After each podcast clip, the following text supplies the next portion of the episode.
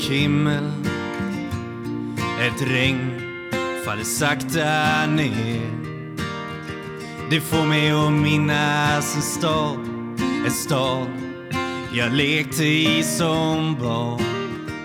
Grågrå människor i svarta, så svarta kläder.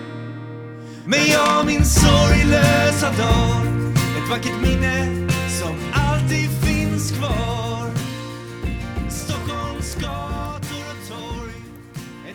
Ja, hej och välkomna till Beroendepodden avsnitt 63. Mitt namn är Anneli och eh, med mig har jag min eh, fina vän och härmed medarbetare Annika Hedlund. Ja, hej. Hej! Eh, välkommen till er som lyssnar för första gången och välkommen tillbaka till er andra.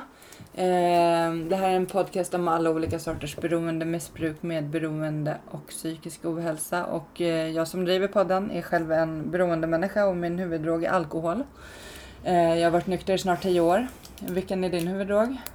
Eh, Det är alkohol och amfetamin. Mm. Och du har också varit nykter i några år nu. Ja, Ehm, och för er som inte har hängt med så vart Annika kom in i bilden så Mm. har vi ju sen eh, första juli så är, är Beroendepodden faktiskt en del av ett Arvsfonden-projekt numera i några år framöver. Som vi är jätteglada. Eh, så vi kommer hålla på med eh, podden. Eh, på, eh, intervjua en massa fantastiska människor som delar med sig av sina historier. Hur det var, vad som hände, hur det nu är. Eh, Mm. Och sen så kommer vi också kunna erbjuda lyssnarna olika aktiviteter och mm. grupper av olika slag. Vi har redan dragit igång en löpgrupp som heter Mm. Running for Serenity som är på varje söndag fram till Flatenloppet som är den 15 september. ja. Eh, och här sitter vi, vi sitter typ och svettas bort här. Jag tänkte säga, det, det är ju säkert lyssnarna också för det är ju, herregud vad det är Ja. varmt. Mm. Eh, nu var jag tvungen att stänga av fläkten också bara för att vi skulle prata lite här. Ja, det är, eh, ja. Men, men, och då kan man ju tänka så här, vad, vad kommer löpningen in i det här? Eh, I Beroendepodden. Eh, det finns många orsaker varför vi har dragit igång en löpgrupp. Och det är ett sätt att eh, träffa nya människor, få en ny Mm. gemenskap. Endorfiner mår, mår vi bra av, att vara ute i naturen mår vi bra Mm, av. Det finns mm. otroligt mycket positiva eh, orsaker varför vi har dragit igång just en eh, löpgrupp. Mm. Ehm, så, och vi, från första, första gången var vi 27 pers Ja. sammanlagt. Det är superkul liksom. Men vi har ju, det har ju blivit som en gemenskap redan. Det är jättekul. Ja. Alltså det som byggs på varje gång med Mm, nya personer. mm. Och just gå-gruppen är ju otroligt Mm. populär. Eh, Precis. sen kör vi, vad, kör vi igång vecka 32. Eh, ung vuxen löpgrupp. Eh, En grupp som är Mm. för dig som är runt 26-årsåldern och Mm. yngre. Ehm, och eh, då är det i Kärrtorp som mm. möts klockan sex. Kärrtorps IP. Mm. All info finns på hemsidan beroendepodden.com. Och där finns det också andra saker som vi kommer ha en eh, sorgbearbetningsgrupp som drar igång vecka 38. Eh, där är det begränsat med platser så är man intresserad av det så är det bra att man går in och skickar iväg en anmälan. Eh, vi har också en flik som heter Hjälp att få, eh, eller en sida på hemsidan som heter Hjälp att få. Kollar man där så finns det olika ställen man kan hjälpa sig, eller vända sig till om man känner att man behöver stöd och hjälp. Mm. Ehm, så. så knata in på hemsidan och kolla Kolla om ni känner. Det finns mycket info om vad vi kommer pyssla med i framtiden och också stöd och hjälp där. Så. Mm. Ehm, ja, och vi är jätteglada för alla som delar eh, podden på Instagram och Facebook. Fortsätt med det. Sprid podden så mycket ni kan. Mm. Eh, och för er som inte visste det så finns vi ju som sagt på Instagram och Facebook. Så Mm. följ oss där. Ehm, ja. Är det något du tänker på? Eh, nej, det är väl mer att glöm inte att anmäla er till Flatenloppet. Ja. Som kommer bli superroligt. Och Mm. eh, ja, ses vi där den 15 september. Det är ju snart. Mm. Gud, det känns, eh, tiden går så otroligt snabbt. Mm. Nej, men Men- varje år har det varit så himla roligt. Alltså det har varit som en folkfest där. Och eh, ja, man har hängt där och både innan och efter. Och, ja, ja, men det har varit jättekul varje gång. Du har ju varit med både som deltagare och som eh, funktionär. Precis, ja, Mm. och det var ju lika kul båda, Mm. båda grejerna. Bara att vara där liksom i den gemenskapen tycker jag. Mm. Mm. Det skulle jag vilja rekommendera alla att göra. Mm. Faktiskt. Ja, och vi ska ju faktiskt iväg nu Mm. och hålla i grupp Yes. runt i Yes. värmen. Har du med dig badkläderna? Ja, det har jag. Ja, vad bra. Annars går jag med kläderna. Ja. Nej men som sagt, eh, in på hemsidan och kolla vad vi håller på med nu och så ska jag släppa in dagens gäst. Annika är ju inte med i intervjun. Eh, Jag har ju några intervjuer jag har redan har gjort och Mm. ibland kommer det dyka upp i intervjuerna också, ibland Ja. så kör jag dem själv. Ja. Men nu ska jag släppa in dagens gäst. Yes.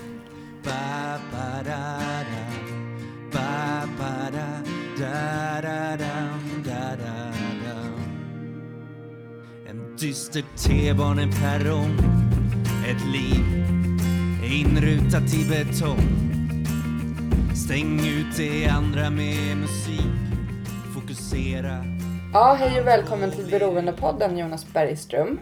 Tack! Jättekul att ha dig här. Eh, Du är 34 år och lever som nykter alkoholist sedan två och ett halvt år tillbaka. Ja, Eh, Det här avsnittet kommer ja, handla om dig och din historia och du har även eh, rätt så kraftig ADHD som vi kommer prata en del om. ja, Ehm, precis. och så är du ju löpare också. Yes! Som mig. Exakt. Så, som mig. Så jag tänkte så här, vi skippar det här med alkoholism och eh, ADHD och pratar bara om löpning. Ja, perfekt. Gäller för mig. Nej, nej jag skojar. Nej men det är ehm, jättekul att du är här. Ja, kul att vara här. Mycket kul. Vi kan börja med att du får berätta lite om din bakgrund. Mm. Eh, vart kommer du ifrån? Eh, Stockholm, 34 år, uppvuxen i eh, söder om stan. Ja, jo, nej men jag är en, en, eh, energisk person och Ja. har varit ända sedan, ja, sedan jag var liten och har ju hört ända sedan jag liksom kan minnas och även innan jag kan minnas har jag fått berättat för mig om hur liksom, svårt jag hade att sitta still och allt sånt där. Mm. Eh, jag har haft turen att min liksom, överskottsenergi och min rastlöshet har, har i och för sig aldrig gett någon direkt eh, aggressiv liksom, eh, har, eh, karaktär. Så jag har liksom inte varit bråkig och, och slagsmålsbenägen eller sådär, när, alltså någon gång egentligen. Och, jag- och, eller när jag var liten och så. Men, men glad och busig, men liksom jobbig. eh, så, så. Eh, så att jag vet att eh, jag kommer ihåg eh, mamma Eh, fast det här var för sig, det berättade hon, ja strunt samma. Jag kommer mamma berättade någon gång i tonåren faktiskt att hon hade varit så orolig när jag skulle börja skolan. Vi, vi för dagisfröknar när jag var där 6-7 skulle gå och sådär sånt. Så jag har, ja, jag har den, jag har varit sprallig och busig och på det sättet ställt till kanske eh, liksom lite oordning och irritation mycket i skola och sociala umgängen överlag. Liksom. Men, eh, men inte liksom riktigt, det har inte blivit, det har inte varit problematiskt att det gått till den där, eh, jag har inte bråkat av det. Jag har kanske retats, men mycket glimt så här. Så jag har inte, eh, jag har inte egentligen lidit jättemycket av det om jag ska vara helt ärlig. Men- däremot har jag lidit av att andra har lidit av det. På det sättet att jag har haft kanske svårt att socialt synka för jag har varit väldigt så här snabb i huvudet och snabb på att fatta saker och tycker att alla bara är så himla långsamma och sega. Och där, det här är ju, det som jag pratar om nu, det är ju något jag har liksom fått lära mig i vuxen ålder och man har liksom gått tillbaka i terapi och sådär. Men att jag, den, jag har haft det svårt att synkronisera känslomässigt med var andra befinner sig för det bara drar iväg så jädra snabbt i huvudet. Eh, och även med mig själv faktiskt. Alltså, visst, skallen drar iväg, är, är smart och snabb och fattar jättemycket men mitt känsloliv hänger inte alltid med. Så att på det sättet har jag, ju- har jag nog haft en inre oro alltid. Som, I och med att jag liksom inte varit riktigt synkad. Men det, det är ingenting som jag upplevde. Alltså jag, alltså jag minns inte min barndom som att jag gick runt och var, in, alltså var oglad. Jag minns det som att jag var glad, och, och, men orolig. Och det är jag ju typ fortfarande egentligen. men eh, ja men faktiskt att jag har haft någon sån här, eh, så att på det sättet. Men när eh, du började ja. i skolan och så, för jag har en, eh, min storebror han har ADHD men Ja. han är några år äldre än dig och när han började i skolan då visste man ju typ inte vad man pratade inte om ADHD Exakt, så då var det bara ett, bara ett jobbigt barn liksom. Så. Exakt, ja. Hur var det? Likadant ja. Ja, ja, absolut. så. Nej men man pratar inte om det utan det här är ju någonting som man Ja, Mm. som så alla känner till. Det har ju kommit upp, det kommer ju bara mer och mer kunskap och det har ju gärna sett 10-15 åren som det hade. Så att min diagnos och allt det där utredning, det har jag gjort i vuxen ålder. Mm, när gjorde du den? Hur gammal var du? Det var 2011 tror jag. Mm, Så att säga, ja men det är nog sju år sedan. Ja, sju och ett halvt år sedan kanske. mm. Ja, någonstans där. Ganska Vi kommer dit. gedigen. Vi kommer dit. Ja. Ja. Nej men det, ja, nej, men ungefär så. Ja. Så o- glad, energisk, orolig Mm. skulle jag säga. Mm. Så minns jag min barndom. Eh, det finns jättemycket barndomsminnen och jätte till att jag sa till mamma och pappa att ja, det är något som inte känns bra nu hela tiden. ja, du kände det och Ja. sa det också? Ja, jag var så ja. ja. det är något som inte, ja, vad är det då? Ja, Jag vet inte riktigt, men det är något som inte känns bra nu. Ja. Ja, just den meningen är så här, den sa jag ofta. Ja. Så att det var... Mm. Men när kom du i kontakt med alkoholen då? Ja, det var typ, eh, alltså så här, det var... Jag är inte uppvuxen med, i, med ett, i ett hem där det liksom har varit någon eh, större liksom, konsumtion direkt sådär. Utan, oj, ingen, alltså inte på det sättet. Men, vi har haft, jag har en stor släkt och, och, det, när det väl, och det är mycket kalas och fester. Och när det är fest och kalas, då är det liksom då har det alltid varit väldigt glatt och alla blir glada och, och alla. Så jag, jag, jag har en väldigt tydliga känslomässiga tidiga minnen och från hela uppväxten av, av festerna var väldigt kul. Att liksom de här festerna, fast vad härligt, alla är så himla glada då. Och, och liksom, då är ju alla glada jämt. När de det var liksom, ja, jag har väldigt tidigt liksom prägel av att festen vill man till. Mm. För att här, inte festen, där går ju runt folk och är lite arga och sura och inte, allt är inte så kul hela tiden. Men i festen är ju alla, då är ju alla, varför är man inte där jämt? Mm. Typ. Det sades ju tidigt. Jag längtade till vuxenlivet på det sättet. Mm. För att liksom till den här festen. Så det var inte det så att det var fest varenda helg, men det spelar egentligen ingen roll. Utan de skapade de, det skapade de minnena så att det liksom är... Mm. Ja, det var väldigt... Eh, mycket tjo och tjim och jäkligt kul. Mm. Så på det, eh, ja, så det, på det sättet kom jag i kontakt med alkohol liksom så. Men det var inte så att jag hade... Eh, nej, ja, och jag började faktiskt inte. Jag, var, det var, jag tycker det var svårt att dricka där på så här tonårsfester och sådär. Det, var inte liksom, det var inte så att jag blev så här... Bara, wow, det här är ju fan kanon. Liksom vid 14-15 års ålder om man skulle bli full på någon bänk typ. Det var, det, det var så där utan det var lite... Det var faktiskt senare. Det var nog, ja, som jag liksom, som jag verkligen det föll för det. och det var typ, ja men ja, när, när studenter skulle närma sig typ ungefär. Så Okej. ungefär, stuff, ja typ vid 18 års ålder. Mm. Så fram tills eh, den tiden så var det rätt så lugnt i... Ja men, det, ja men det var det. För jag var, det var, man kan säga så att i typ i lågstadiet då, eller hela grundskolan så var jag en central figur. Mm. Eh, i, i, kompiskretsarna och i kompisgäng, alltså eh, i skolan och andra och sådär. Och sen så när jag skulle, sen vid typ 15-16 års ålder, strax efter nian, började gymnasiet där, då fick jag liksom ändå, då skulle jag börja eh, gymnasium, det var inte så himla, kände så himla många och hela den grejen. Och precis då samtidigt fick jag skitmycket finnar. Och blev så här äh, jätte... Jag alltså drog mig tillbaka till en roll som jag inte alls, alltså till, till sidlinjen lite och liksom inte hade den här rollen som jag ofta är van att vara. Så lite extrovert och excentrisk och ta plats typ. och som jag är, jag är bekväm i egentligen. Och det blev, så då hade jag faktiskt några år där i gymnasiet där jag var ganska tillbakadragen med det. Eh, och levde, var, liksom gick in i mig själv och hade ett par, tre år som tonårsår där som var verkligen eh, annorlunda mot både innan och efter egentligen. Så att man kan säga det att det som hände, som jag, det här har gått tillbaka till terapin och sådana grejer, men det var lite där vid typ 17-18 års ålder, mycket finnar försvann, studenttiden närmade sig, hela så här, åh nu, klassiska, nu ska vuxenlivet börja, massa fester. Det var mycket pusselbitar där som helt plötsligt bara Woo! Fy fasen vad kul!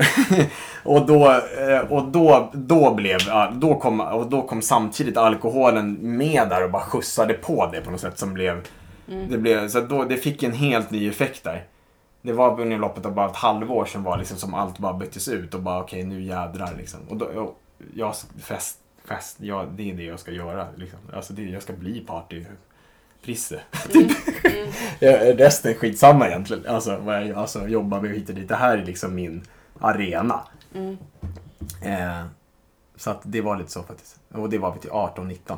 Mm. Så att, eh, ja. Men så då i början när du började festa så var det ju fest. Ja, Mm. Och du drack eh, inte för att döva några känslor eller fly eller så. nej, Nej, nej. utan det var... Nej, i början var det nog inte Nej. riktigt. Nej, men precis. Det, nej, men det var det nog inte. Men det blev en... eh, hur, hur, Det jag ska säga så här, det blir, det här, det blir liksom en... eh, Okej, visst, fyllans eufori och allt det där. Men en stark grej är att jag gillade verkligen det där festrummet. Mm. Och att det fick sån himla... Det satte sig på mig så mycket. Det var mycket att när, när man var med sina kompisar och de andra, när de drack, så blev de helt plötsligt mottagliga för mig som de annars, annars alltid är lite för mycket. Lite, pratar lite för mycket, lite för känslosam, lite för eh, dansig, lite för energisk. Helt plötsligt, jag är inte för mycket när de är lite packade. Så det var liksom en mycket sån grej också, att liksom det, som var så härligt med det där rummet. Att det liksom bara, då kunde man bara vara Woo! Liksom. Och det, ja. det kändes nästan som mer än mitt, alltså förstår du, som att komma hem lite. I, i mitt känsloliv alltså. Som att det liksom var, fan så vad bra här när man, där jag bara kan få vara som jag är. Utan att det bara är så här för mycket. Mm. Eller för jobbigt eller blir... Var det så du kände annars? Ja, ja, men det var det nog. Men jag ska... Det är lite av en efterhandskonstruktion att säga att jag liksom gick runt och verkligen tänkte varje dag att gud vad för mycket jag kände mig. Men efter att ha grävande i terapi jag gjort senaste 5-6 åren så ja, det var nog så. Mm. Alltså så det är det svaret jag ger nu. Men det, jag kanske inte nödvändigtvis gick runt och. Nej, för du vet också så när man är 20, det var ju ganska, det var de, under några år i alla fall så tyckte ju folk att alla fester är ganska mycket då liksom. Och, Ja. alltså, gym- alltså börjar högskolor och hit och dit och det är mycket kalas. Och, och det är klart att alla tyckte att det var jäkligt kul med en party. Alla, det var, man var, jag var ju en sån som alla ville att skulle komma på alla fester. Mm. Eh, och jag kom på alla fester.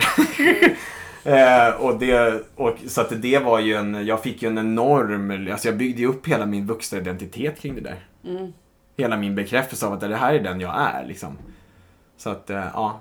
Så det är klart att det, då är ju, då kan, utan alkoholen så faller ju hela den. Eh, för det var ju liksom en stommen nästan som, Mm.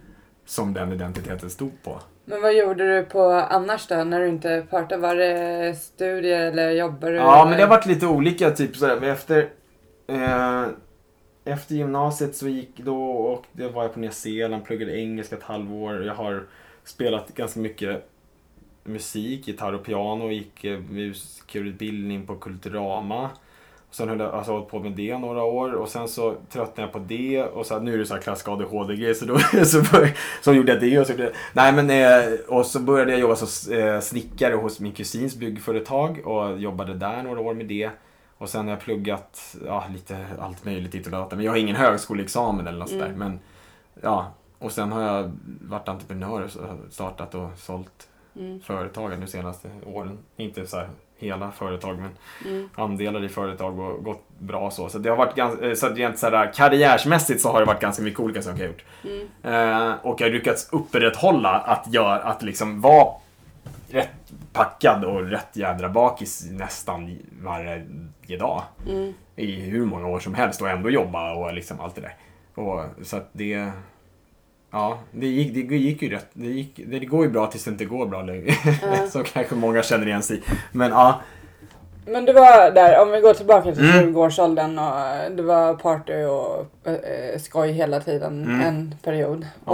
Och, och hur ofta drack du då? Var det liksom varje, varje helg? Det var typ... Eh, det var, ja men det var absolut, över fredag och lördag heligt såklart. Alltså Ja. alltid fredag, lördag. Liksom, ja, men även några, så sträcker man in några. Jag skulle säga att det var kanske mellan... Eh, mellan 18 och typ 23, så kanske, ja men tre, fyra gånger i veckan kanske. Mm. Eh, så, då, så, det var, ja, så då höll det sig till den nivån. Sen vid typ 23 till 26, då var det 5, 6, 7 gånger i veckan. Ja, Mm. i stort sett. Men eh, hur, Och det kulminerade lite när jag var, ja, jag var 25, 25, 26 år 2000, när jag i en, eh, en krasch liksom. Så småningom. känslomässig krasch? Ja, och Ja. känslomässig krasch och typ en, en, eh, ja, en fysisk krasch. Jag hade, ja, jag svimmade ihop typ på gatan och sen fick jag, alltså en sån här riktig, nu pallar kroppen bara så ifrån. På grund av att du hade fastat för hårt? Ja, och det här var typ på våren 2009. Och då hade jag då hade jag nog varit ute på krogen 300 gånger under sen på 365 dagar liksom. Mm. Så då var jag trött. Ja, Ja, men det, ja, det var, men då var det faktiskt så att det året, för då hade jag liksom en riktig Stålman, en eh, hybris och sådär. Eh, att nu, nu, måste, alltså, det, nu måste jag se hur långt jag kan dra det här lite. Så det, och då gjorde jag det. Och så fick jag reda på det, tyvärr. Hur långt man kunde dra det. Och då hade jag, så det var, ja, nej, men det var då det vände. Och då var jag typ ja, men 25, 26, 2008, 2009 där. mm. Då hade jag mitt sista roliga partyår, om man säger så. så här, när det fortfarande liksom bara, man bara ökar toleransen och allt bara blir roligt. Alltså egentligen, innan de ver, ver, verkliga komplikationerna verkligen kommer med ångest och alla sociala problem och pengar och allt vad det kan vara. Eh, det var där vid, ja det var där ungefär 25 som det liksom jag hade min peak om man säger. Mm. Så att, ja. Då hade jag, så 2009 där, då var jag, då, det, efter den liksom, det gick väldigt fort. Efter den kollapsen så fick jag sen hur mycket panikångestattacker som helst och gick ner i en depression sen. Och, Okej. bodde, ja, och då var jag mest nere hos min pappa på landet i Östergötland och bodde typ och låg där i en, som en ostbåge i typ några, ja tre, fyra månader. Mm. och bara jag såg att jag sov hela tiden alltså. Och då just jag, alltså jag var, min, min hjärna var ju helt slut. Jag tror, alltså, det var ju så här 14-15 timmar om dygnet i många veckor. Och jag, alltså, jag hade pressat det så hårt. Mm. Och då var det också ganska mycket droger i bilden också där. 20, alltså just det året innan, eller det, ja, runt 24-25 års ålder. Mm. Uh, nu har jag haft turen att jag inte riktigt har... Att det inte liksom... Ja, nu, jag vet inte hur det är med det där förresten i och för sig ska jag säga. Nu ska jag rätta mig själv. Att om man är alkoholist kanske man är typ narkoman automatiskt när det gäller vissa droger. Bara för att det är på samma receptorer i hjärnan. Men oavsett så har jag inte... Det har mer varit... eh, Alkohol? Ja, det är Mm. alkoholen som är min verkliga Mm. liksom megaberoende. Mm. alltså, är, ja, men liksom, som, Ja, är min, säga- som är min kärna Ja. liksom. Ja, absolut. Ja men så är det för mig med. Ja, jag har ju testat allt möjligt men det är alkoholen som är min huvuddrog. Ja, ja precis. Mm. Exakt. Nej men så är det verkligen. Det är ju liksom, så är det. Men, aha, så du kraschade så både känslomässigt Ja. och fysiskt? Ja. Och, Ja, då kom allt på en gång det här som man då hade tryckt undan kanske. Signaler som man inte hade lyssnat på, allt sånt där. Det kom bara sköljde över liksom. Så att, visst, det var verkligen så. mm. Ja, då var fan vad dåligt jag mådde då. Det Mm. var... Men då blev du sjukskriven eller gick det till Mm. eller fick du någon hjälp? Jag hade gått till skolan då innan där så jag var inte sjukskriven från något jobb utan jag hade pluggat då en K-utbildning och lite ekonomi och ditten och datten. Mm. Eh, och där för att lära känna en av mina bästa vänner idag som jag sen startade företag med. Mm. Men, men hur som helst så var så, att, eh, så jag var inte sjukskriven då eftersom jag inte hade ett Nej. fast jobb. Så. Eh, så att, eh, men nej, men jag jobbade inte. Jag började inte sen för kanske jag, ja, någon gång mitten på 2010. Ja, typ ett år efter.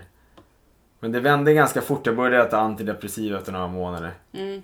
Eh, Men du kopplade inte, du tänkte inte så här, oj det är alkoholen ja, eller? eh, ja, jo, eh, så här var det. det Kanske borde... Just det, jag kanske ska lägga in de detaljerna. Jag hade, jag hade vet du, en, en bra vän då, som, eh, det här får jag på i efterhand då, men som hade pratat med min mamma och hade pratat lite med andra vänner om att jag liksom, det här fattar man ju inte då ju.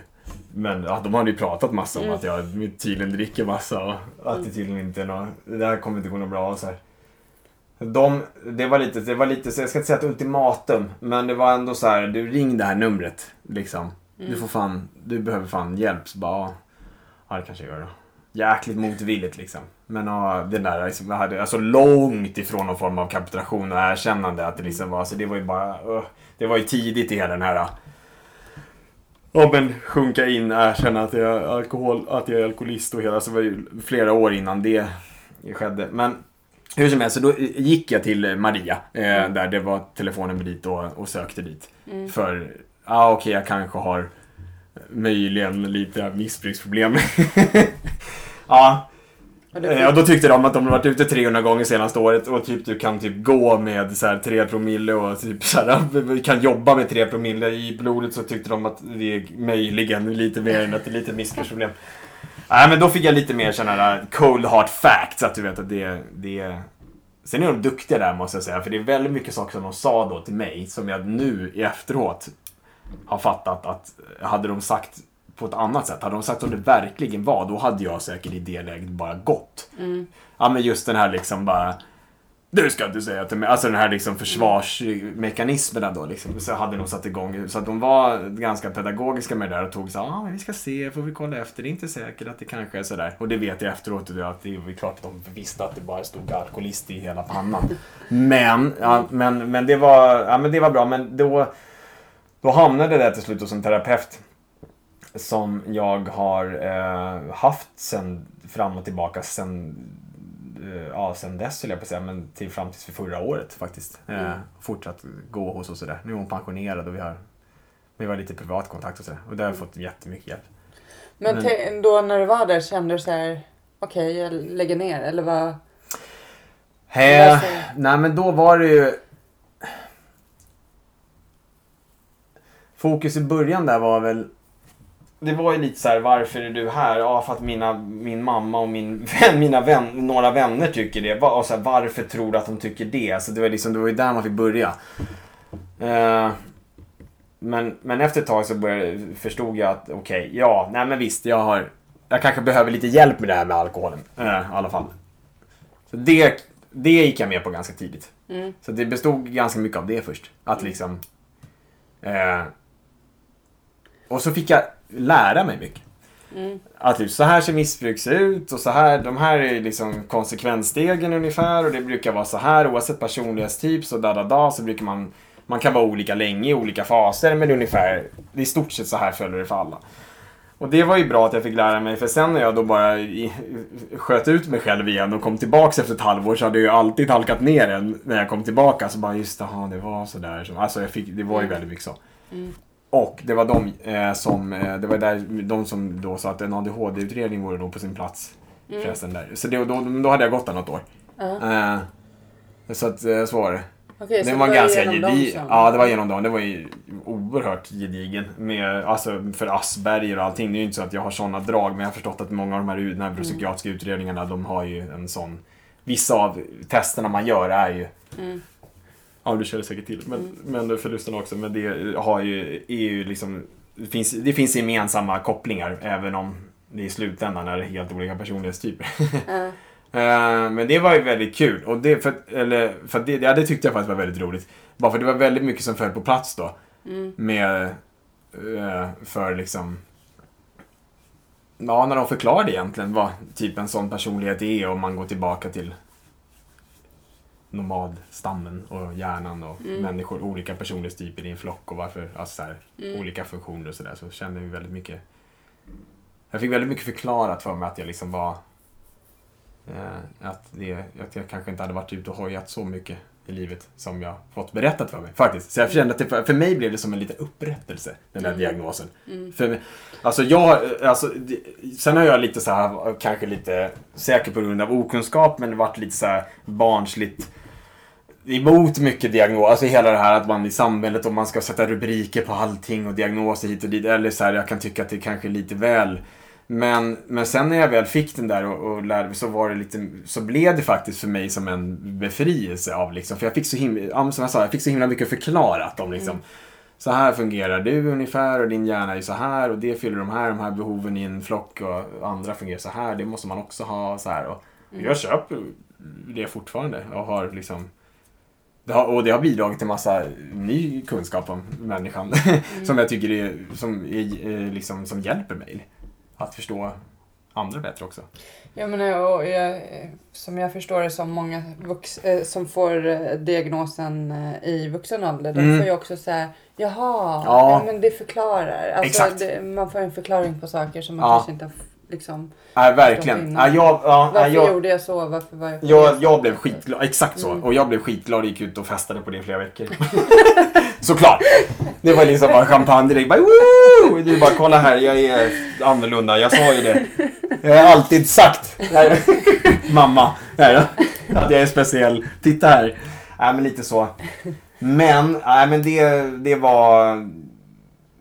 Det var, men, äh, men, äh, ja, nej, men grejen Men Fick ja. du då verktyg och så? Att, eller liksom... Eller Ja, men vi, vi pratade ganska mycket om det, för då började det gå mycket terapi igen hos eh, min terapeut där. Mm. Eh, och då blev det lite mer, då hade jag ju börjat må bättre på grund av antidepressiva och jag hade i och för sig börjat dricka igen. mm. Eh, men jag Gjorde hade du det i smyg inför dina, de på Maria eller? eh, några gånger. Ja.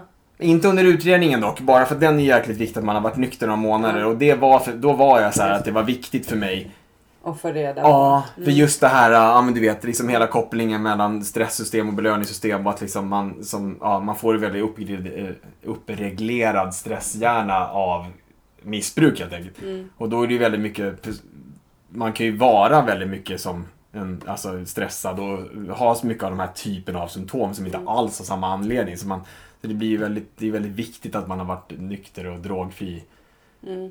under flera månader för att liksom det ska finnas någon Kunna göra Ja, men rätt- för en rättvis, men Ja. en- för en själv också En Ja. fair grund att gå på liksom.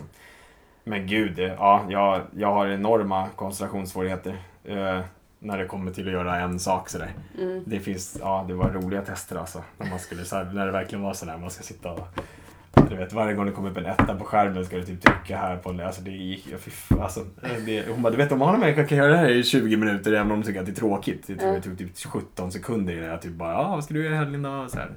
Ja. Så det, men å andra sidan så har jag fått lära mig att jag kan hyperfokusera som det kallas. Och att man kan, när man väl tycker någonting är kul så kan man få en oerhörd koncentration och, och lära sig jättemycket jättesnabbt. Så Mm. det, är en, det är en tillgång men det gäller att veta vad man, eh, ja, vad man kan använda det till liksom. Mm. Och när. För annars, nej. annars blir det belastning. Men ja, förlåt. Nu kanske jag spårade iväg från frågan igen. Men, Nej, men så du började ju springa också. Ja, precis. Eh, För det har väl hjälpt dig mycket i... Ja, gud ja. Det gjorde det. Men det var senare. Så det är några steg emellan här. Mm. Om vi... Då eh, vill jag höra de stegen. Ja, nu ska vi ta det steg. Vad ska vi se? För jag var... Okej, jag kraschade först. Eh, och sen... Okej, och sen... Ostbåge i säng, 14 timmar om dagen, typ ett halvår. Sen började starta företag. Eller nej, antidepressiva, mådde bättre, starta företag. började dricka igen. Men just det här, det har jag inte kommit till. Jag började dricka på ett nytt sätt mot vad jag hade gjort innan då. Okej. För innan var det, och det är också så klassiker som, man, som jag inte hade fått lära mig ändå, men som jag nu fått lära mig. Just det här man byter strategi och byter sätt då, att dricka på. Och Byter hur, spritsort. Ja, ja gud ja, hur vanligt som helst. Och här har ju varit väldigt berikande med alla andra man har träffat som har berättat liknande liksom, man, igen, ja, som man känner igen sig. Hur som helst, jo, nej men då blev det lite mer som att jag, eh, för tidigare har det varit, alltså, då hade det bara varit festen. Det är klart att festen fanns kvar, det sociala, men, men, re, men vid den här tidpunkten ungefär, nu pratar vi typ så här 2011 kanske, 2010, 2011, då började det redan lite grann att vännerna liksom hade lämnat den här mest absoluta de flä- eh, partyåren och kanske hade börjat jobba och inte pluggade längre.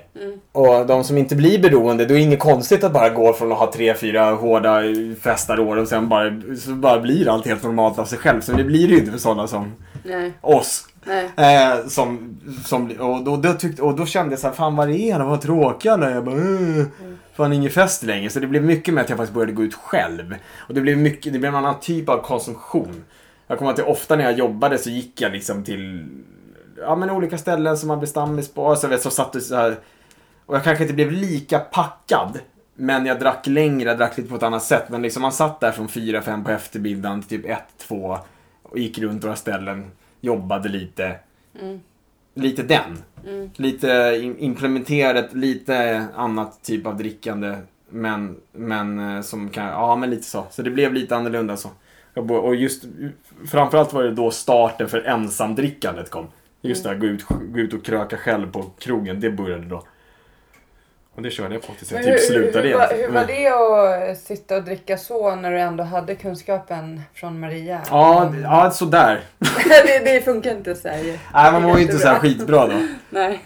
Nej, och jag mycket förnekelse där fortfarande. Ja, Ja. det här kanske stämmer, men inte det här. Och... Sen var det... Ja, det är så svårt att leda ut när... Du vet, på många sätt är det svårt att reda ut när vilken grej som leder till vilken konsekvens. För att på något sätt så var det ändå som att jag alltid hade ändå känt, ända sedan jag verkligen blev så här alkoholförälskad där vid typ 20, ja, men 18-19. Mm. Att det liksom, okej det här är för, det kommer ju inte att hålla det här. Alltså det är, men något som man någonstans visste djupt i en själv men som man bara sköt på framtiden. Mm. Så på något sätt var det som att den grejen kanske gnagde där då under de här åren att man liksom, okej nu hänger jag på sista linan liksom. Mm. Jag kommer ju inte kunna men okej jag kanske kan göra så här ett tag då. Det är ju liksom det, det är ju det är ju ens bästa vän och ens kärlek. Rent kemiskt så är det typ ens kärlek ens bästa vän och det är hunger och det är trygghet och det, det slår ju på alla receptorer som är allting som är positivt i en människohjärna överhuvudtaget. Eh, och det tog det ett tag innan jag fattade vad det innebar. Men vi kommer komma dit. Men, Hur mådde men det du var... i den här perioden? Hade du mycket oro? Och Ja, ångest? jättemycket. Jättemycket. Jättemycket. Och vad, gud ja, åh fy fasen. Och mycket svettningar och jobbig abstinens på dagar med och så här. Så, ja, nej. Så Mm. in på kanske några möten och bara var så här. Fy fan, och så här tvungen att hälla i sig tre liter socker liksom bara för att typ inte skaka på mötet. Ja men du vet sån här, alltså det var jobbigt. Ja det var Mm. jävligt. Och sen ändå satt man där sen fast man liksom, ja det var... Nej mycket ångest. Mm. Så det är väldigt tudelad. Eh, men det var... Nu pra, alltså då var, det var, ja men det här, 20, ja men säg 2010 fram till 2013, 2014. Mm. Då, var, då var det så här. Mm. Men det är ganska bra med jobbet, det har gått bra med mycket. Mm. Eh, för att det lyckades ändå... Eh. För att, och det är också, men det har med med den här ADHD-grejen att göra, snarare än alkisprylen att göra, för att hjälp att förstå. Eller alltså just att jag kan... Alltså för att när jag väl, jag, när jag väl gör arbetsuppgifterna, och i synnerhet med bakismani och allting också, så kan det ju vara, leverera som fan. Alltså jag gjorde ju skitmycket grymma försäljningar och när jag, alltså visst, jag var jäkligt ofta bakis och sov alldeles för länge, men när jag väl sen gjorde någonting några timmar, då kanske det var något som det tar tre dagar för någon annan att göra. Så på det sättet så kan jag ändå upprätthålla en ganska hög leverans arbetsmässigt fast jag inte lägger så många timmar på det. Alltså, och det gör det ju ännu värre för då kan jag ju lura mig själv ännu längre. att, ja, funkar, liksom. exakt. Ja. Det, ja, det har ju i allra högsta grad upprätthållit mitt missbruk längre än vad det kanske hade gjort annars. Mm. För då lurar jag mig själv ännu mer att äh, men det är inte riktigt som för mig. Nej, vissa grejer är, inte, är annorlunda. Mm. Men inte alkoholberoendet är likadant. Och det, ja men just där hade man ju svårt att förstå och acceptera. Men sen ledde det där till slut då. Det blev värre och värre och sen kom liksom nästa fas som jag hade fått beskrivet för mig också. Eh, med att jag faktiskt helt plötsligt inte tålde lika bra längre. Alltså det var, helt plötsligt blev jag så här drängpackad verkligen. Eh, på fester med, på ett annat sätt. För att eh, fram till dess så hade det varit, jag kunde alltid eh, dricka mycket och bli full. Men ändå liksom så här, jag... Det blev, ja, men eh, man hade så pass hög tolerans och sådär så jag liksom inte, jag kunde ta, ta, ta mig hem själv och jag kunde kanske hjälpa någon annan hem. Det var inte sånt. Men sen kom den där fasen där jag helt plötsligt bara liksom vinglade och trillade och vaknade med liksom, och bara, åh, någon rånade de här hörlurarna och man bara liksom sovit i något väskskåp på någon central. Och, ja, men massa, alltså, det kom liksom en, några, ett par steg ner i, helt klart, i liksom så här dränggrispackad bara. Otrevlig och förjävlig. Och bara inget kul för någon, vare sig för mig eller för någon annan. Och den fasen kom där. Och det var snabbt alltså. Så den kom för alltså vid ingenstans kommer jag ihåg upplevde det som. Mm. Och sen hade jag min ex-tjej, vi är bra vänner nu. Och, och har jättefin relation. Men vi var på, vi var i Karibien över nyår. Det här var, typ, det var nyårsafton 2013-2014. Mm. Och då hade jag någon, någon sån där vrålkrasch som jag inte minns alls. Jag bara vaknade, alltså vi skulle flyga mellan några öar. Så när jag typ bara vaknade upp på någon trottoarkant utanför. Typ, och hon, ja, så här, morgonen efter och ha, typ, då hade jag typ, någon sån här plakatfylla och typ betett mig inne på flygplatsen och blivit och, och typ så här eh, faceplant. Ja, det, ja, inte bra. Och det var ju sån jävla, alltså det, det var en det finns ju många pusselbitar i det, så jag kommer aldrig komma på alla nu. Men det här alltså som har lett till nya saker som har bidragit till hela resan så att säga. Men, men det där var en sån milstolpe. Då efter att okej nu jävlar, nu, det är fan nu eller aldrig. För då kom igen den här, shit, för att jag hade några år innan fått lära, alltså fått lära mig den här konsekvensstegen och jag bara shit, jag, nu är jag ju där alltså. Ja. Okej, ja, nu är det fan bara kapitulerat, hur fan har ingen koll. Eh, så då gjorde jag det faktiskt. Då började jag, eller alltså, då kapitulerade jag inför mycket saker. Men inte riktigt helt än, men, men mycket saker. Och då insåg jag, okej, ska jag göra, eh, ska jag göra någonting åt eh, eh, någon, det här så kändes det verkligen som, då ska jag göra det nu. Jag var nyligen fyllt 30 då. Jag bara, fan det är ändå ganska förhoppningsvis långt kvar på livet om jag har tur. Eh, och det kan vara rätt värt. Det kommer ju inte bli enklare antagligen liksom. Alltså jag fick ändå några sådana där lite så halvvettiga tankar till, som kom till mig, som tur är. Och bara, eh, och, och, och jag bara, okej men det här är ju mitt liv. Det är inte bara liksom Alltså det är mitt, hela min existens. Jag vet inte, alltså jag vet ingen annan miljö än, alltså jag känner mig liksom mer jag, kan inte, alltså jag har inte kunnat känna mig mer hemma än på en krog. Liksom. Eller, på, eller på en fest. Alltså det är liksom mitt absolut. Det, har ju, det var ju mitt absolut, min identitet som jag senare som jag hade byggt upp. Det var liksom min, det var mitt vardagsrum, min säng, min, det är mitt, min, min käresta. Det är min allt där egentligen. Eh, så att då började jag springa. För, eh, för jag hade, alltså, för det var typ, det är någonting som jag ändå har gillat som träningsform. Eh, och jag tänkte att okej, jag behöver någonting, jag måste få ut min energi eh, på ett annat sätt än i det här kroglivet. Eh, jag var duktig på det när jag tränade friidrott när jag var liten, men jag slutade ganska tidigt. Jag slutade säkert redan vid 14 års ålder. Men jag var snabb och jag var ofta så här, jag hade dåligt bollsinne så jag var nog duktig på fotboll eller någon sån här grej. Men jag kunde alltid springa ifrån alla. Jag kunde aldrig, alltså alltid göra någon, någon sån liksom. Jag var duktig både på så här 60 meter och 800 meter. Och jag, var, men jag, jag hade det i mig. Och de få gånger när man hade någon sån här riktig tre veckors eh, fest i, i ryggen under 20-årsåldern som jag liksom tänkte att nu ska jag minsann ta tag i mig själv någon gång vart tredje, var fjärde år. Då, som, då hade jag några perioder, då tog jag alltid fram löpningen för det var liksom, jag, ja, jag, det, var, det var någonting som kom lätt till mig för jag, jag gillat det ändå, den, den grejen. Eh, så då tänkte jag nu ska jag, fan, nu ska jag börja springa.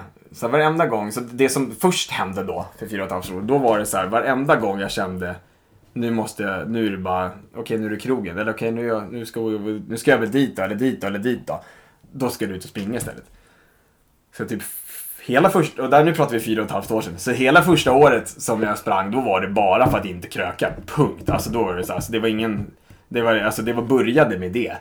Att liksom, spring varje gång du är sugen på att kröka. Så du sprang hela tiden? Ja, då sprang jag väldigt ofta.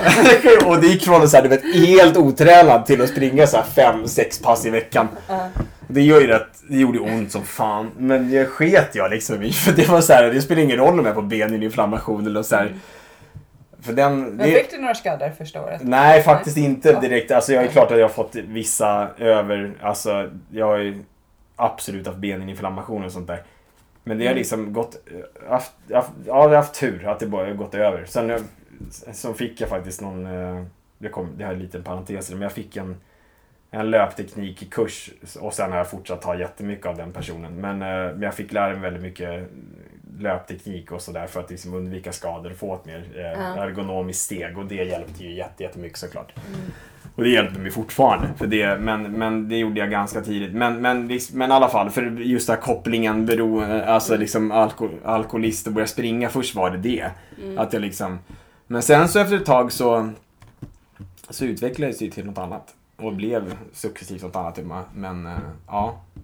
Men det var, nu är vi typ då, okej nu är det, vad är vi nu? Nu är vi typ 2014, 20, ja just det, nu ska vi se, det var fyra. Ja. Så då hade jag och jag har varit nykter i två och ett halvt år och det hände någonting för två och ett halvt år sedan som egentligen är- som är den sista poletten kanske då förhoppningsvis. Nu vet jag att visst, man vet aldrig och jag kan absolut säkert få ett återfall och sånt men det är ändå en väldig Mm. Det var då det verkligen som jag själv upplever att nu trillade allt ner som behövs trillas ner för jag ska ändå kunna leva nykter och vara, och vara glad. Inte så här känna att jag... Ja. Och det var... Ja men Eller ty, gå, ja, gå omkring och... Nej men gå omkring Kämpa. och... Ja, kämpa och, exakt. För att jag hade då två år, jag, så jag började sp- springa och... Eh, eh, och hade återfall typ en gång var sjätte vecka kanske i snitt. Mm. I under två års tid. Och då, de återfallen var alltid så här torsdag till söndag. Alltså, eller det var verkligen så här... Söp. Ja, nej, men då gick jag ut på krogen en torsdag eller fredag och kom tillbaka hem tre dagar senare. Typ. Ja. Ja. Så det är väl, alltså typ i, eller hem, eller hem. Det var inte nödvändigtvis när jag kom hem, då kanske jag åkte direkt in till beroendeakuten eller något. Mm. Så ofta var jag så in i helvete abstinent fast jag då hade, så hjärnan minns, det där var fan, det där var sjukt faktiskt att få lära sig. Att fast jag ändå inte drack så ofta längre och de flesta av de här veckorna helt nykter och allting så är det ändå som från tidigare så hjärnan minns liksom. Så bara på några Ja men på tre dygn liksom av viss en hög konsumtion men kunde jag få riktigt jävla grov abstinens alltså. Så då gick jag ofta till beroendeakut och sånt för att söka, alltså för att få liksom någon form av översyn eller, eller lugnande tablett för jag hade såna Mm ja, med kramper och de här, man skakar som ett jävla asplöv alltså. Nej, det är så jävla obehagligt. Det undrar jag fan inte min värsta fiende så är det de där jädra Nej, de där jädra abstinenserna, alltså panikångesten är ju Ja, den är faktiskt den är så jävla vidrig alltså. Hur som helst. Eh, och då, så det var typ en tvåårsperiod där. Och då bland annat sprang jag också den här eh, välgörenhetskampanjen. Den Ja. 20 maraton 20 dagar. Och, det, och då sprang jag... Sä, säg det igen för de som Ja, inte har Okej, hört ja, 20 maraton 20 dagar heter det. Du sprang ett maraton om dagen Ja. i 20 dagar. Ja, det är nästan en egen podcast. Men, men, det var, men det var i samband med flyktingkatastrofen när den var som blev som mest uppdagad i ja, västvärldsmedia. Alltså där. Eh, och då, det var min eh, partner och vän, nära väns eh, idé att vi skulle göra den som en eh, ja, insamling om man säger. Och då skulle jag på en, en, eh, en konferens med jobbet uppe i Piteå. Mm. Och sen så bodde jag i Gamla stan då. Och då sa han bara, "Ah, men kolla här, det är typ nästan exakt eh, om man delar på avståndet. Så han bara, det här, det här är ju sloganvänligt. Så här, 20 maraton, 20 dagar. Det låter väl bra. Så han bara, fundera lite på det här. Jag bara, okej jag ska fundera. Så började det en timme så bara, okej, ja men vi kör då. Men då var det så här. Och då kan jag låta konstigt, då hade jag sprungit ett och ett halvt år. Det var så här, men det här kan ju låta jävligt, men jag tycker det här, det här vill jag verkligen understryka. Det finns inte en chans att jag hade klarat det där om jag inte var alkoholist. Nej. Ja, för det är bara missbruk, det är liksom bara en missbrukarhjärna som gör det där. Eh, Och, och hela grejen att... Eh, alltså kopplingen, alltså jag mådde, det är klart som fasen, jag hade ont som fan och jag var inte tränad för det alls. Alltså en vecka var det så här, det funkade ju liksom. Mm. Men, eh, men sen var det verkligen, det var jobbigt. Och när man får sådär riktigt jädra ont så att man liksom 20 sätter... dagar, det är nästan tre veckor ja. Ja. Minusen, ja. Efter, efter ett tag så gjorde det ju så ont. Eh, så att det var liksom att sätta ner fötterna på marken när man vaknade på morgonen var liksom Ah, alltså verkligen. Och sen skulle man springa en maraton på det på dag. Och då, då kan jag säga att fan, den, att nonchalera den smärtan, det tar ju på själen alltså. Det, man blir ju faktiskt ledsen efter ett tag. Det är inte liksom så här, ah, utan det, blir är ju något annat som händer. Än att det gör ont efter typ ett tag. Och det vet du fan, alltså det, bara jag hade så här, jag, jag, upp, jag kände typ att jag har varit på värre mentala ställen än vad det här ens kan vara. Alltså det är liksom inte ens i när och det kan jag fortfarande understryka faktiskt. Alltså Mm. det hela, hela alkis, abstinens konsekvenserna, missbrukkonsekvenserna, det är liksom, det går inte att jämföra alltså. Stärkte det eh, dig under den här, liksom att du kunde tänka tillbaka? hela på- tiden. Ja, Det var så här bara okej det här är pissjobbigt men vad fan. det kunde... Jag hade en helt annan solsystem att förhålla mig till. Eh, Och helt ärligt, det här är faktiskt ingen efterhandskonstruktion. Det var det jag visste innan. Det var därför jag tackade ja till den. För jag bara, det kan ju omöjligt vara lika jobbigt som ändå har gått igenom. Mm. Och det var det inte heller. Eh, men det är klart att jag mådde skit, det var jättejobbigt och det var... Eh, jävligt, men det var också en välgörenhetskampanj så det kändes liksom hela... Jag blev ju, fick ju jättemycket alltså, underbart mottagande och vi samlade in så här 147 000 spänn liksom och det var ju grymt liksom. Mm. Eh, och en av syf- hela syftena med just kampanjen var ju just att det handlade inte om att jag skulle må bra ju. Mm. Utan det var ju faktiskt en välgörenhetskampanj som många andra gjorde för att uppmärksamma lidande och faktiskt folk som har det för jävligt på riktigt. Mm. Och är- som det, ja, så det var, så det, det var, nej, det var faktiskt, det var grymt på många sätt. Mm. Men det var, men hur som helst, den, jag, den, jag, det slut, så när den var klar då var det ju bara rakt i krogen. För då, hade, så det, då blev det ju såklart ett återfall, alltså det är ju typ helt... Alltså det kunde man ju, det kunde ju vilken beroendeläkare som helst räkna ut. Eh, utom jag själv. Och det var, och då pratade vi då, det här var då hösten 2015. Mm. Så det var då september. Eh, september, oktober. Men då, ja. Men sen hade jag... Ja, sen hankade det väl på där över, vad ska jag säga, jul, nyår. Det var en, en vända till. Men sen var det till slut efter någon, alltså. Jag kommer faktiskt inte ihåg specifikt vilken utegång det var eller återfall det var. Men det var i alla fall vintern 2016 denna gång när Jag bara till slut bara, fan nu. Jag orkar inte alltså. För att jag orkar inte ha de här återfallen. Jag bara orkar. Alltså då var det så här. Då var det som ett, ett till nästan bara. åh. Och då hade jag ju haft fram och tillbaka med min terapeut där och så kom jag, då kanske jag inte hade varit där på något år igen och så kom jag dit och bara okej. jag gör allting som ni, som, eller som jag inte har, som ni faktiskt har rekommenderat, som jag inte har testat än. Mm. Eh, och då var det bland annat eh, TOSIS-programmet. Mm. Eh, och, det, och medicin faktiskt, ADHD-medicin. För det var, för de sa så här, ja, vi i alla fall, vi har, inte sett, vi har inte sett någon med så här grov ADHD som liksom är alkoholist eller narkoman som hur mycket man än gör allting så har man ingen impulskontroll så är det totalt omöjligt. Alltså, det styrs inte av någon, alltså det är liksom, det är, kem, det är nog kemiskt omöjligt för dig. Eh, vi, har inte, vi har ingen sån erfarenhet, har inte läst om att det typ kan ske. Och det här är faktiskt ganska viktigt, för, för just det här, apropå vi pratade om innan, det här med att man måste, det är bra att vara nykter, eller bra, man måste ha varit nykter under en längre period för att göra en ADHD-utredning, för det är ganska många, i och med att ADHD har blivit så himla populärt, eller vad jag ska säga, och vanligt och kanske överdiagnostiserat så många, eh, eh, och det tror jag nog att det gör. Och har man då en beroendeproblematik av kemisk substans, då är det jävligt lätt att man blandar ihop allt det här i huvudet och bara ah, men jag har också lite ADHD, men egentligen kanske man bara var en stressad pundare. Sen när man slutade liksom, ja men faktiskt. Ja. Och sen när man blir nykter så blir man den man är och är man, då kanske man inte var så jävla stressad.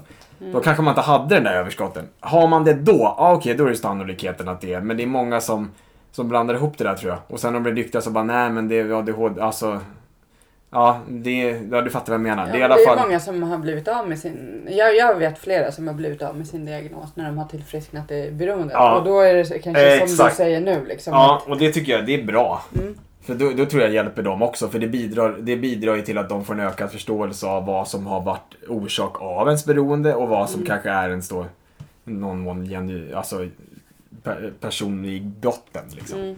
Jag, jag blir ju inte av med det oavsett alltså jag är ju så här. Ja. Ja. Spelar ingen roll hur nykter du är. Spelar ingen roll hur nykter jag är, det är överskott som fasen. Eh, Jag måste vara medicinerad och springa 10 mil i veckan då, typ, bara, ja, för att liksom sova på natten. Ja. Nej men eh, Jo, nej men så då, då provade jag och, och det blev ju jädra aha-upplevelse som hette duga på många sätt. Det var grymt med TASIS-programmet för det har lärt mig mycket. Det har varit, eh, det är jag jättetacksam över. Det har varit en viktig pusselbit som bara den. Eh, just, ja men många av de här stegen är det använder jag ju mig regelbundet av fortfarande. Liksom Mm. för de här rensningarna och den här regeln. Jag behöver, jag behöver ju, det här är ju för livet liksom, så man gör ju sin regelbundna städning och det märker jag ju. Jag har slarvat med det på några veckor, då kommer ju som ett brev på posten liksom. Mm. Då blir man lite grinigare, lite tjurigare och lite, eh, lite, ja men lite mer lättprovocerad och det, för det finns ju några, det finns receptorer där i hjärnan som har sin störning liksom. Mm. Som gärna, och, ja man måste man, man, man och man, men det, Mm. jag har förstått det som att det är lika för många andra alkoholister och narkomaner i alla fall. Att det är, Fortsätta ta man, hand om ja, ta, ta hand om sitt inre, Ja. för det är liksom en, det är en regelbunden process. Städa lite Ja. i alla fall, så att det inte, för det kommer bli för skitigt efter ett tag och då blir det ju, ja, nej, men lite så. Mm. Och då är de ju väldigt användbara. Jag älskar de där inventeringarna och gör och liksom bara shit, för det blir så himla tydligt och konkret för en. Och terapeutiskt liksom. Så det har varit hjälpt mycket, men medicinen var ju också en, det, alltså, det ska jag säga, det var typ en, inga av alla pusselbitar hade kunnat falla på, alltså komma på sin plats om inte jag hade, skulle, den skulle finnas alltså. Det är faktiskt så. För, mig. för det var först, för det blev helt bara på ett, ett par veckor där blev det bara så här.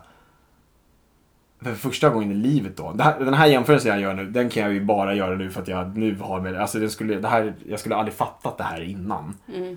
Men nu, och det som hände bara efter några, veck- några veckor in med medicinen, det var att varje intensiv tanke eller intensiv känsla som jag har, Mm. eller, det har all, alltid, alltid bara lett till handling. Mm.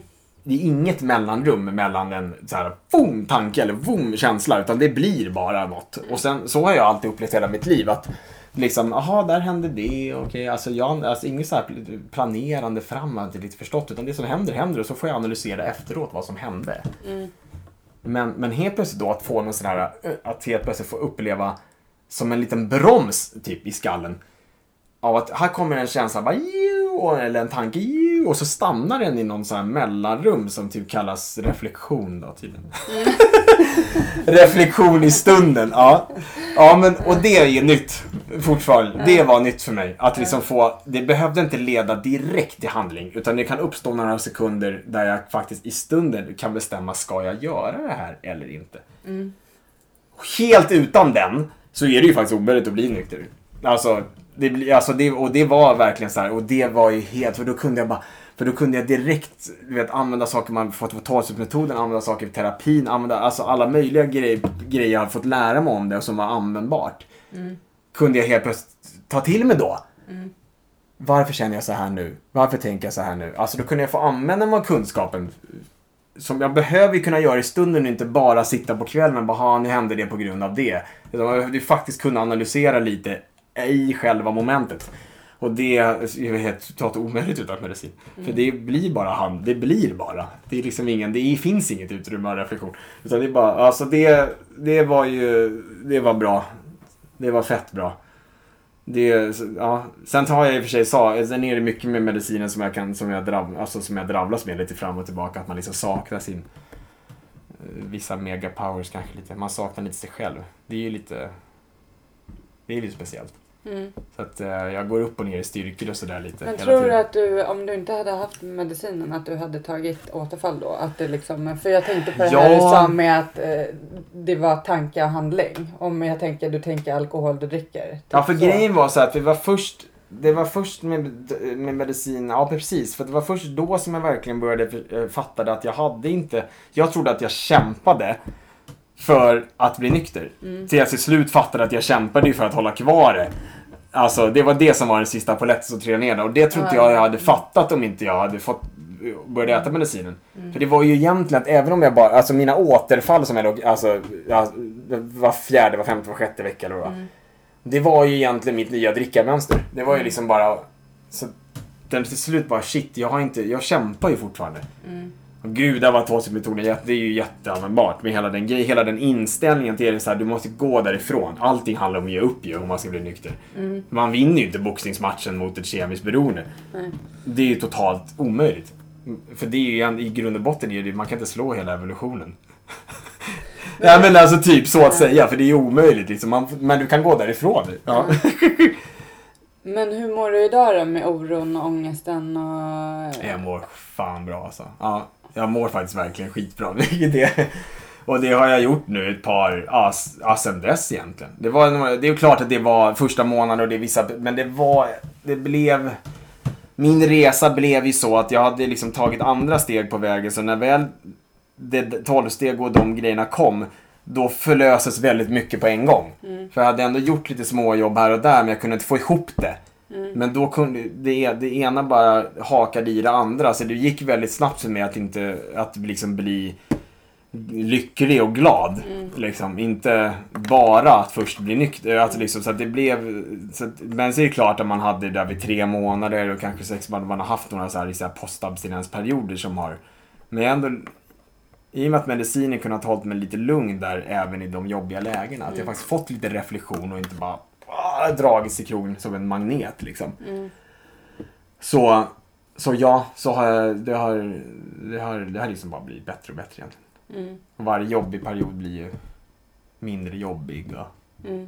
och sådär. Så att, eh, ja, nej men jag, jag har, jag har, jag har ingen, jag har ingen liksom oro till följd av det. Sen är jag en orosmänniska. Alltså inte, jag är inte orolig för åh nej, hur ska det bli nu? Alltså för liksom faror så. Mm. Men alltså, tänk om något händer nu när jag åker bussen härifrån. Det är Inte den, men jag har någon form av liksom så här djup oro kring livet. Mm. Liksom. Jag tror att vi är många som har det gemensamt just beroende människor. Tror jag verkligen. Mm. Så det är det Verkligen. vi kä- Ja. kämpar med. Ja, Många, Ja. många av oss liksom. ja. Absolut. Eh. jag känner mig, jag har en väldigt tydlig del i mig som är, som, som är precis, som, likadan, exakt likadan som när jag var 3-4 år. Så här, väldigt liten, skör, vrål, orolig pojke. Som man, som man, har, man har med mig hela tiden. Mm. Men jag är inte rädd för honom längre. Jag behöver inte trycka undan Nej. honom. mer, Så han får, du förstår, lite så. Mm. Man, han får gärna vara där. Liksom. Det är okej att vara. Hur känner du att Rädd. löpningen har gjort för dig i det här? Ja men just det. det jag kanske sa det tidigare att det... det, det här, jag ju, Mm. håller ju också på med Ja, men exakt. och är ett, brukar rekommendera det till människor som lägger av. Ja, Att liksom, ja.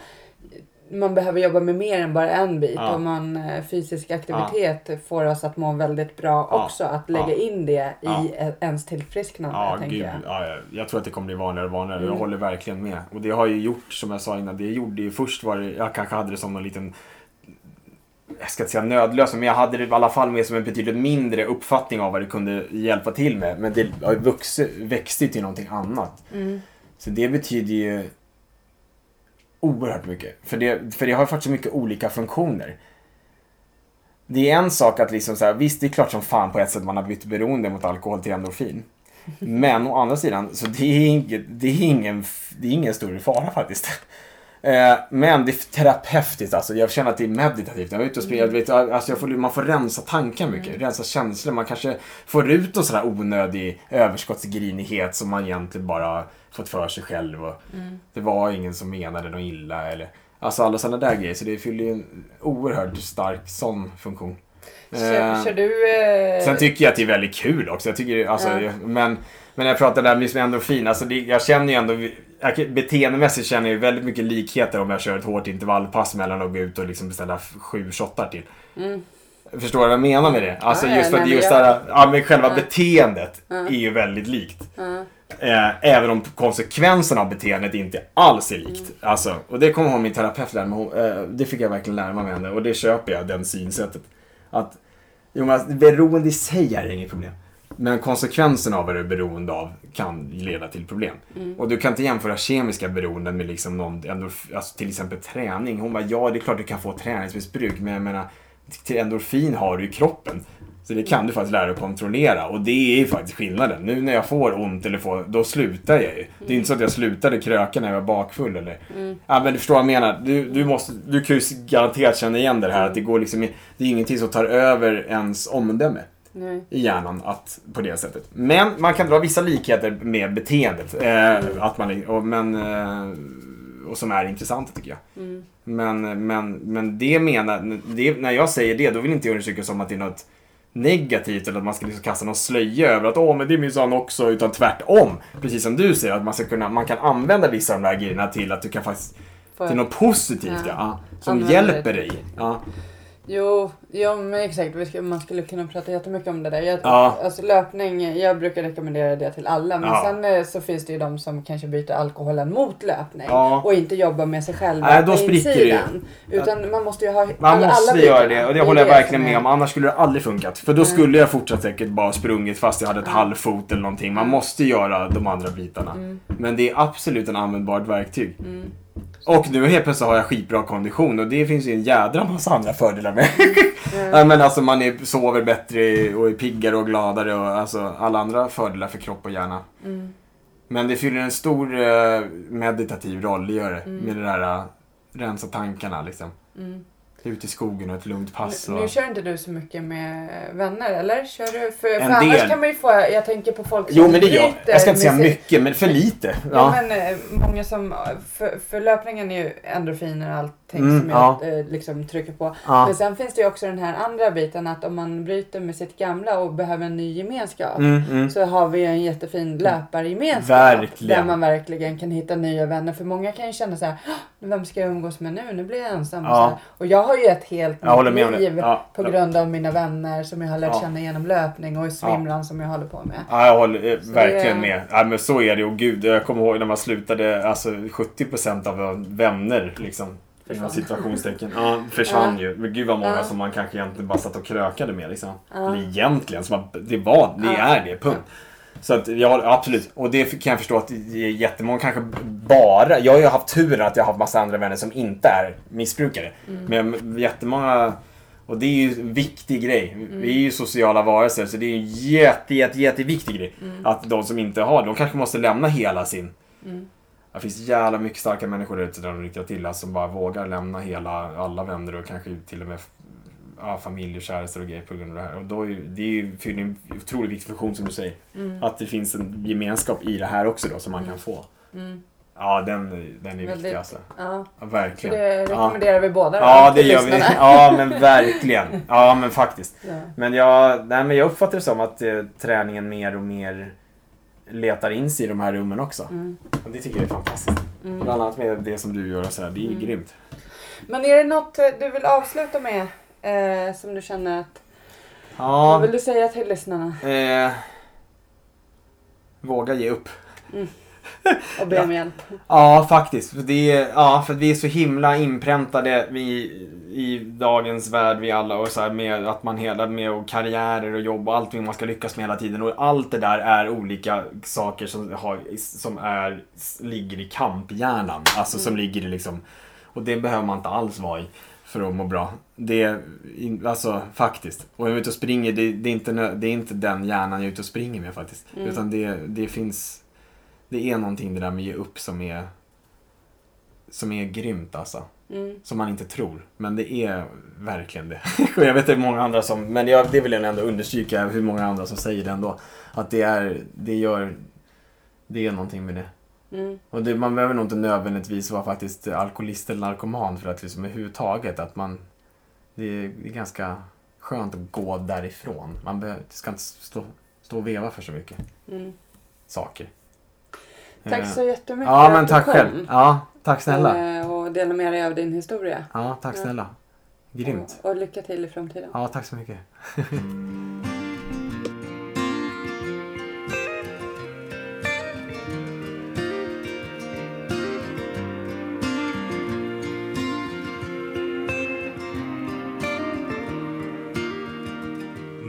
Mörk himmel. Ett regn faller sakta ner. Det får mig att minnas en stad En stad jag lekte i som barn. Grågrå människor i svarta, så svarta kläder. Men jag minns sorglösa dag Ett vackert minne som alltid finns kvar Stockholms gator och torg Ett liv så långt ifrån sorg ba, ba, da, da. Ba, ba, da, da. Ba, ba, da, da, da, da, da, da, da. Ba, ba, da, da. Ba, ba, da, da. Ba, ba, da, da,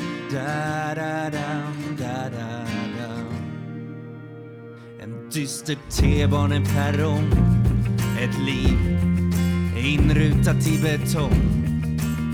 Stäng ut det andra med musik. Fokusera allt på att bli rik. Här finns en dyster atmosfär. Ett liv kretsat kring karriär.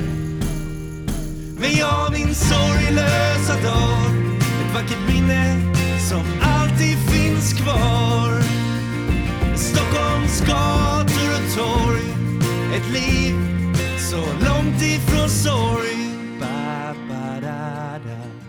Ba, ba, da, da. Ba, ba, da, da, da, da, da, da. Ba, ba, da, da. Ba, ba, da, da.